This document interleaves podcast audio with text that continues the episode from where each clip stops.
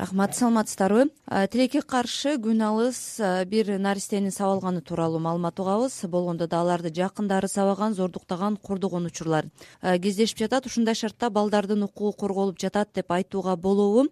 Биз ушул маселенин тегерегинде сөз кылмакчыбыз. Э, эмгек жана социалдык өнүгүү министрлигинин үй бүлө жана баланы коргоо башкармалыгынын баш кадиси назгүл чуулумова э, данакер үй бүлөнү бекемдөө борборунун өкүлү сүйүн курманова жана балдарды коргоо уюмунан кумар эргешова студияга келишти. Кош келипсиздер коноктор назгүл айым мына бүгүн балдарды коргоо эл аралык күнүндө биз балдарыбыз тиешелүү деңгээлде корголуп жатат деп айта алабызбы? Эми сиздин сурооңуз абдан маанилүү жана чоң суроо болуп жатат. Биздин балдардын укуктары канчалык э, мыйзамдарда жазылып келеатат эми жакшы жакшы э, жана укуктары эң негизги укуктары жазылган бирок ушул майрамга карабастан тилекке каршы аны да айтып кетиш керек. Азыркы учурда балдардын айрым айрым учурда укуктары бузулуп жаткандыгын байкап жатабыз. Жана ошо белгилеп кетүүчү нерсе бул э, балдардын укуктарын бузууда э, э, кийинки учурда көп катталып атат. Бул ошол эле ата энеси тарабынан жана жакын туугандары тарабынан укуктарын бузуп келген жагдайлар катталып атат да. Өзүңүз айтып кеттиңиз азыр мына балыкчыда жана эки жашар баланы зордук зомбулукка кабылды. Ошол эле ошол эле учурда айтып кетсек бул жакын туугандарынан мындай ошондой мамиле көрүлүп атат да. Азыркы учурда айта турсам эми эң негизги укугун коргоочу бул ким? Бул ата эне болуш керек. Бирок э, ата эне ата энеден ушундай бир зордук көрүп аткандан кийин же ата эне болбосо дагы жанындагы туугандары ошону көрсөтүп атса буну э, ата энелик жоопкерчиликсиздиктен чыгып келет деп айтсам болот да. Ушул жоопкерчилик жок болгондон улам ушул окуялар кайра кайра кайталанып атат десек болобу. Мисалы э, буга чейин деле кышында баягы атасы тепкен окуяда деле өзүнүн энеси кайра арызына кайтарып алган эле э, кечээги окуяда деле төрт баласы бар деп балыкчыдагы окуя боюнча. Бул жоопко тартылбай калган экен. Ушу жоопкерчилик жоктугунан болуп атабы бул жоопкерчиликке тартылбай калды деп эми азыр айтуу э, эрте го. Дейм азыр э, суд мед экспертиза жүргүзүлүп атат медицинский экспертиза жүргүзүлүп атат. Буну көзөмөлгө алабыз. Чоң э, ата энелерден кеткен жок деген да маалымат кетип атат. Бул бешинчи класстагы бала агасы сабап койгон деп атат.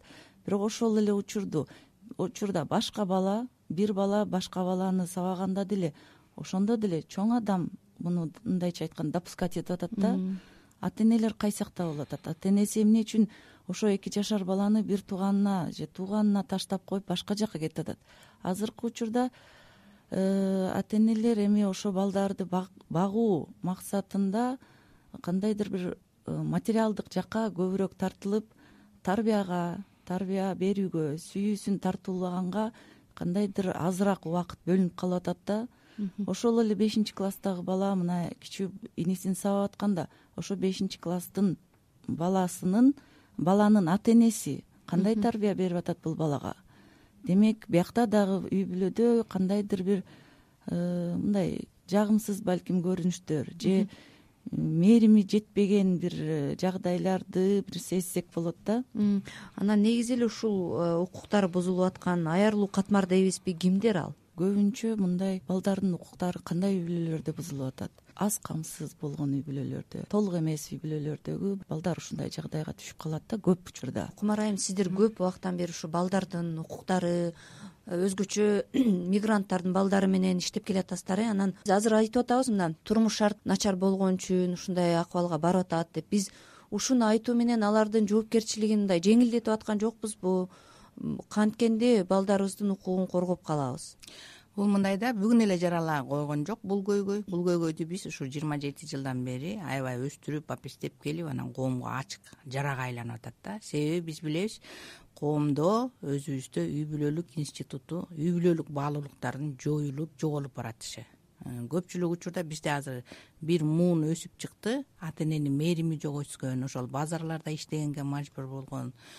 анан ата эненин камкордугуна алынбаган үй бүлөлүү ошол э, балдардын баары азыр үй бүлө куруп атышат да. Анан бала кезинен уядан эмнени учса уядан эмнени көрсө учканда ошону алат дейт. Бала кезинен ошентип ыдык көргөн бала кийин чоңойгондо деле үй бүлөсүн ошондой ыкма менен гана тарбиялайт да. Анан дагы бир нерсени айтып коюшубуз керек. Буга чейин бул нерселер мисалы беш алты жыл мурун мындай зордук зомбулук балага карата көрсөтүлгөн бизде жашырылып келген. Уят эл эмне дейт дегенчи. А азыр кудайга шүгүр ачыкка чыгып калды. Ошон үчүн биз жанагы массалык маалымат каражаттарын карасак эле жалаң эле ушундай негативдүү сабап кеттир мынтип кеттир дегенди угуп атабыз да. Биринчи кезекте ата эненин жоопкерчилиги биякта дагы айымдар айтып кетишти. Ата эненин жоопкерчилиги анан э, эң биринчи ушул үй бүлөлүк институт деп коебуз ушу үй бүлөлүк баалуулуктарды биз сакташыбыз керек да. Анан укук менен катар эле ошол баланы дагы кенедейинен өзүнүн жоопкерчилигине үйрөтүшүбүз керек эми мамлекеттик деңгээлде ала турган болсок бизде аябай сонун мыйзамдар иштелип чыккан. Орто азия боюнча биз биринчи орунда турабыз ошо мыйзамдар боюнча. Жакшы мыйзамдар жазылган. Ар бири бир ийне жибине чейинчи. Маселе ошонун аткарылышында болуп атат да. Э, мамлекеттик э, органдар эмне кылат? Э, көп болсо ата энелик укуктан ажыратып коет. Андан кийин баланы балдар үйүнө өткөрүп салат бүттү. А баары бир кандай болгон күндө да бала үй бүлөдө болуш керек бала үй бүлөнүн мээримин өсүш керек мээримини бөлөт ошол жагы жакшы иштетилип чыккан эмес да механизмдеричи. Ошол себептүү бул жерден гана бизде бөлүп жаруу гана болуп калат да баланы алып кетебиз ата эненин укуктан ажыратабыз болду. А ошол үй бүлө менен терең изилдеп иштеп психологдор иштеп ошол жагдайын абалды өзгөрткөнгө ошо психологиялык жактан абалды өзгөрткөн боюнча иш алып баруу өтө оор да ушул жагы бизде аксап атат бизде мисалы эзилтен бар да улууну урматташ керек күчүн узатташ керек баланы кантип тарбиялаш керек деген анан бул үй бүлө институту жоюлуп баратат э, баалабай калдык деп кол кушуруп отура бербей ушу эмнеден башташыбыз керек? Эмнеге ушул акыбалга келип калдык азыркы замандын талабы боюнча бизде аябай э, бул информацион маалыматтык э, э маалымат булагы аябай өскөн да. Социалдык түйүндөр бар маалыматты ар кайсы жерден алсак болот да. Ушул эле массалык маалымат каражаттар мен өзүмчө дайыма айтып келем. Ушул үй бүлөлүк баалуулуктарды жайылтуу боюнча жакшы позитивдүү берүүлөрдү макалаларды дайыма байма бай берип уюштурушубуз керек. Ошол эле жума сайын ушул үй бүлөнү кандай? Мисалы жаш үй бүлө биз деген бала кезден э, балдарды бала кезден келечегинде бир жакшы инсан анан бир жакшы ата энеди кылып тарбиялай албайбыз да биз эмне кылабыз? Мектепке окуучуга барды бул мектеп окуучусу э, жогорку жайда окуду а бирок турмушка керектүү ыкмаларды биз үйрөтө албай келебиз да. Ошол себептүү бала э, кийин чоңойгондо үй бүлө курганга ошого даяр эмес да. Биз ошону ушул массалык маалымат каражаттары аркылуу жакшынакай берүүлөрдү уюштуруп баягы ушул жаштарды үй бүлөгө бекем болууну аталык жоопкерчилик энелик жоопкерчилик эмне экенин үйрөтүшүбүз керек. Сүйүн айым мына жогоруда айтып аткандай үй бүлөнү бекемдөө э, данакер э, уюмунда иштейсиз өзүңүз? Анан эмнеге ушундай э, учурлар катталып жатат? Болгондо дагы үрөй учурган учурлар көбүнчө эң жакындары тарабынан болуп атпайбы. Анан канткенде ушул маселени биз чече алабыз саламатсыздарбы? Жогоруда биздин э, кесиптештерибиз айтпадыбы абдан жакшы айтып кетишти. Бул жанагы зомбулуктун табияты кайдан келип чыккандыгы жөнүндө анан таасири жөнүндө айтышты да. Мен бул жерде э, социалдык э, жагдайларга социалдык экономикалык кыйынчылыктарга байланышкан зомбулук болуп жатат деген маселеге дагы бир нерсени кошкум келип атат да. Азыр мындай коомдо дагы бир нерсе байкалды. Тескерисинче жана материалдык абалы мыкты байып кеткен адамдар тарабынан балдарга карата көрсөтүлгөн зомбулук аябай күчөп жатат да. Балдар азыр бизде жана акы төлөнбөй турган э, бекер э, жумушчу күчү катары кабыл алынып калды буга бир мисал келтирсек болот. Э, бир мындайча айтканда абдан бакубат үй бүлөнүн атасы фермер бойго жетип калган кызы мектепте бир кечеде катышып анан кечигип калган үчүн ошол мектепке келип ошол кыздын жолдошторунун көзүнчө э, чыңжыр менен сабап анан ат менен ошо фазендасына чейин кубалап барган учуру кезикти да. Анан ал кыз кошунасыныкына качып барып анан ошол жерден кошунасына айтыптыр. Мен чоңойгондо шаарга барып кирлер жалдап мен атамды өлтүртөм депчи. Мына ушундай бул ашкере байлыктын э, кесепетинен дагы үй бүлөдөгү зомбулук болуп атат да. Үй бүлөдөгү зомбулук келип туруп балдарга кесепетин тийгизип атат. Биздин психологдордун бир мындайча айтканда дайыма пайдаланып жүргөн бир э, мындай нерсеси бар. Атасы энесин урат энеси кызын урат кызы мышыгын урат деген да. Ушундай бул үй бүлөдөгү зомбулуктун таасири айланып келип туруп ошо балага тиет экен. Үй бүлөлүк зомбулуктун айынан бизде э, көп э, мисалы үчүн ата энелер миграцияга кетип атат. Э, тууган туушкандарынын колунда калып калып атат балдар. Таза көзөмөл жок болуп калып атат. Анан дагы бир жагдай бизде ушу баланын табиятын билбей жатышат да ата энелер бала жөн эле бир колжоолук катары бир жасап алган нерсе катары менчигиндей пайдаланып калган учурлар көп болуп атат да адам катары бул жерде э, бул жерде аябай көңүл бура турган нерсе эң чоң көңүл бура турган нерсе ата энелердин баланы таанытуу тарбиялоо баланын табиятын түшүндүрүү анын укугунан баштап тиги биологиялык жаш курагындагы өзгөчөлүктөрүн түшүндүрүү окутуу аябай зарыл болуп турат да бул жерде. Андан тышкары балдар бакчаларынын тарбиячылары жана башталгыч мектептин мугалимдери өспүрүм кездеги э, тарбиячылар социалдык педагогдор мына ушулар баланын турмушуна тагдырына өтө чоң роль ойнойт. Азыркы учурда э, биздин коомдук уюмдар э, биздин социалдык коргоо өнүктүрүү министрлиги менен биргелешип билим берүү министрлиги менен биргелешип абдан жакшы долбоорлорду ишке ашырып жатышат.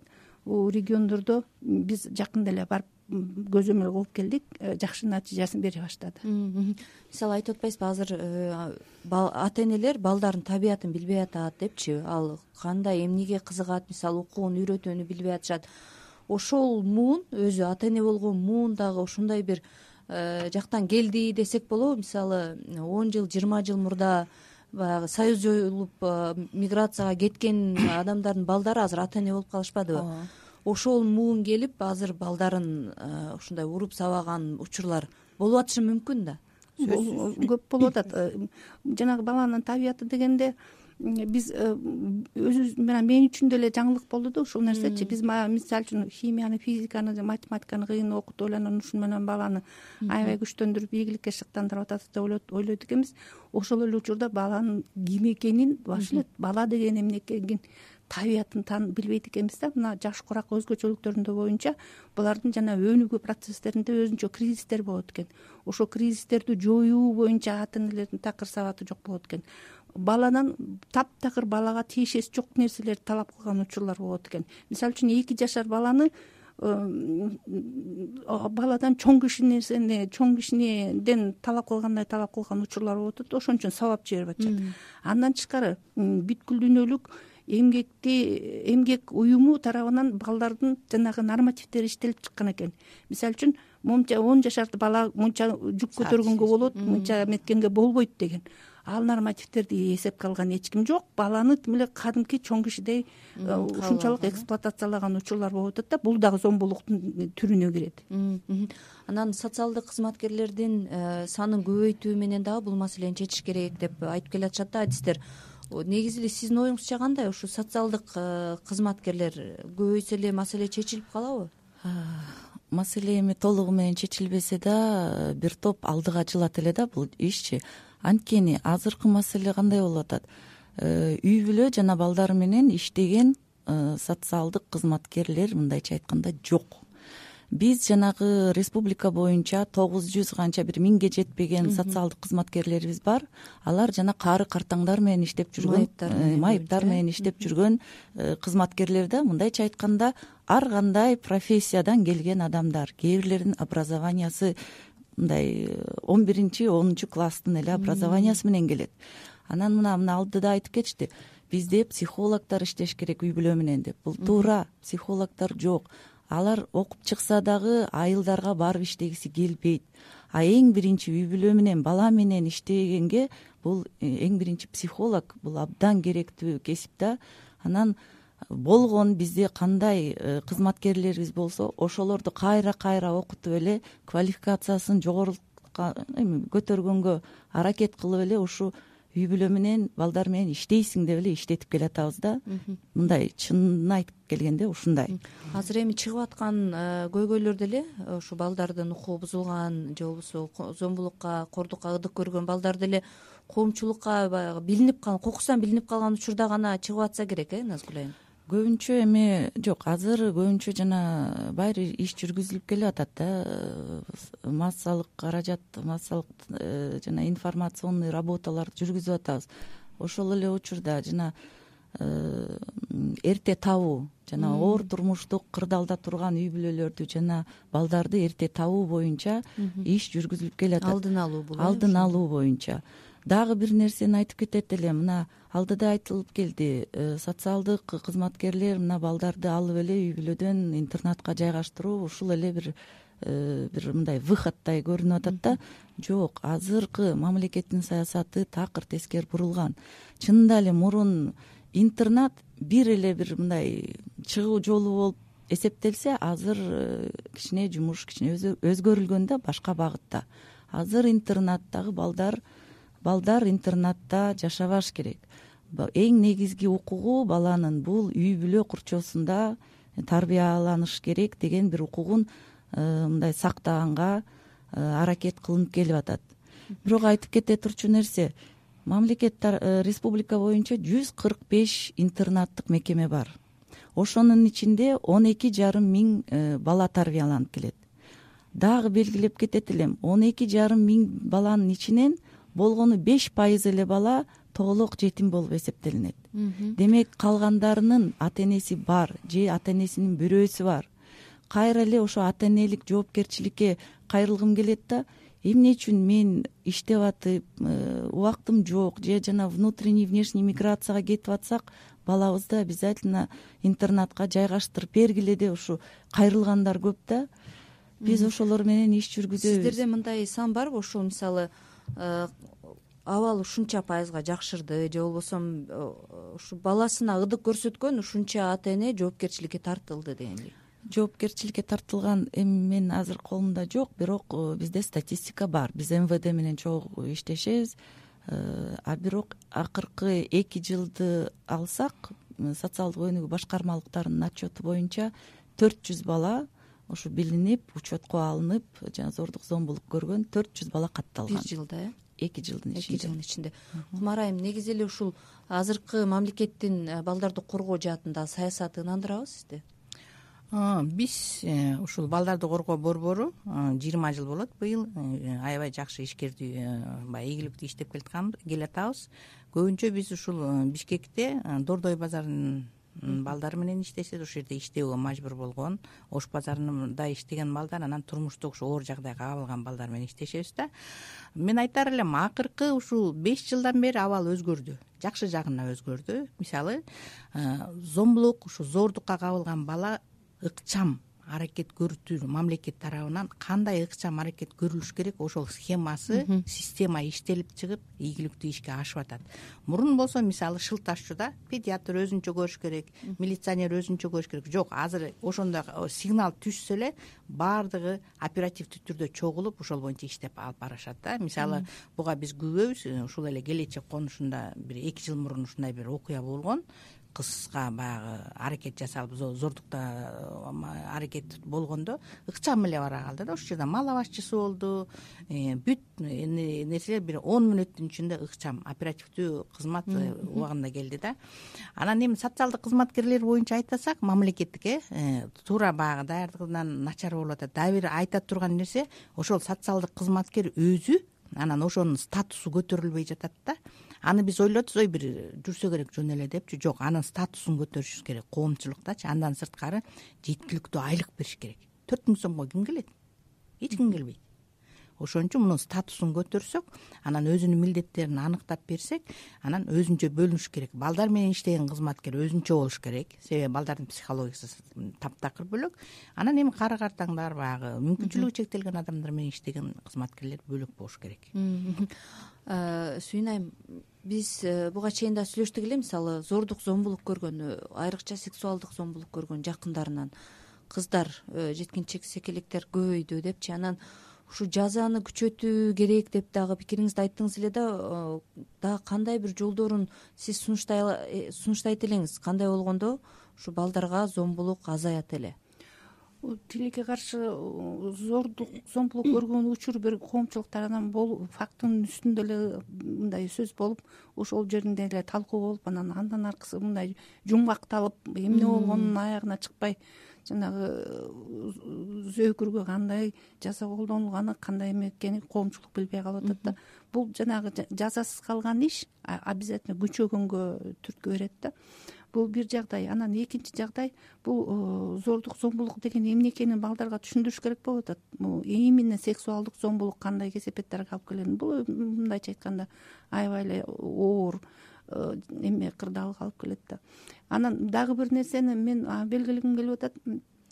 Э, көпчүлүк элит жерлерине жогоруда министрликтин өкүлчүлүктөрү дагы айтпадыбы. Бизде тиги адистер жетишпей атат депчи. Адистер чындап эле жетишпейт экен логопед деген адис өтө зарыл керек экен сурдоологдор керек экен. Психологко муктаждыкты эме айтпай эле коеюн ушунчалык муктаждык бар экен. Мисалы үчүн жанагы бир жумалык э, командировкага барып калган психологдорго жазылгандардын аягы уже чыкпай калып абдан өкүттөй калган адамдар көп болуп атат да.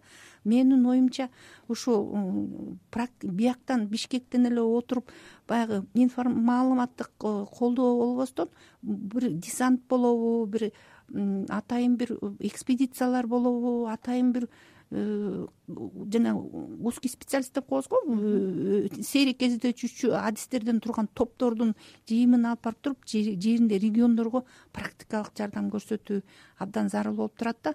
Андан тышкары жана психологдорду психологдордун педагогдорду соц педагогдорду социалдык кызматкерлерди окутуу жагдайларын абдан күчөтүш керек экен себеби бизде региондо маалыматтык жанагы ачарчылык бар да.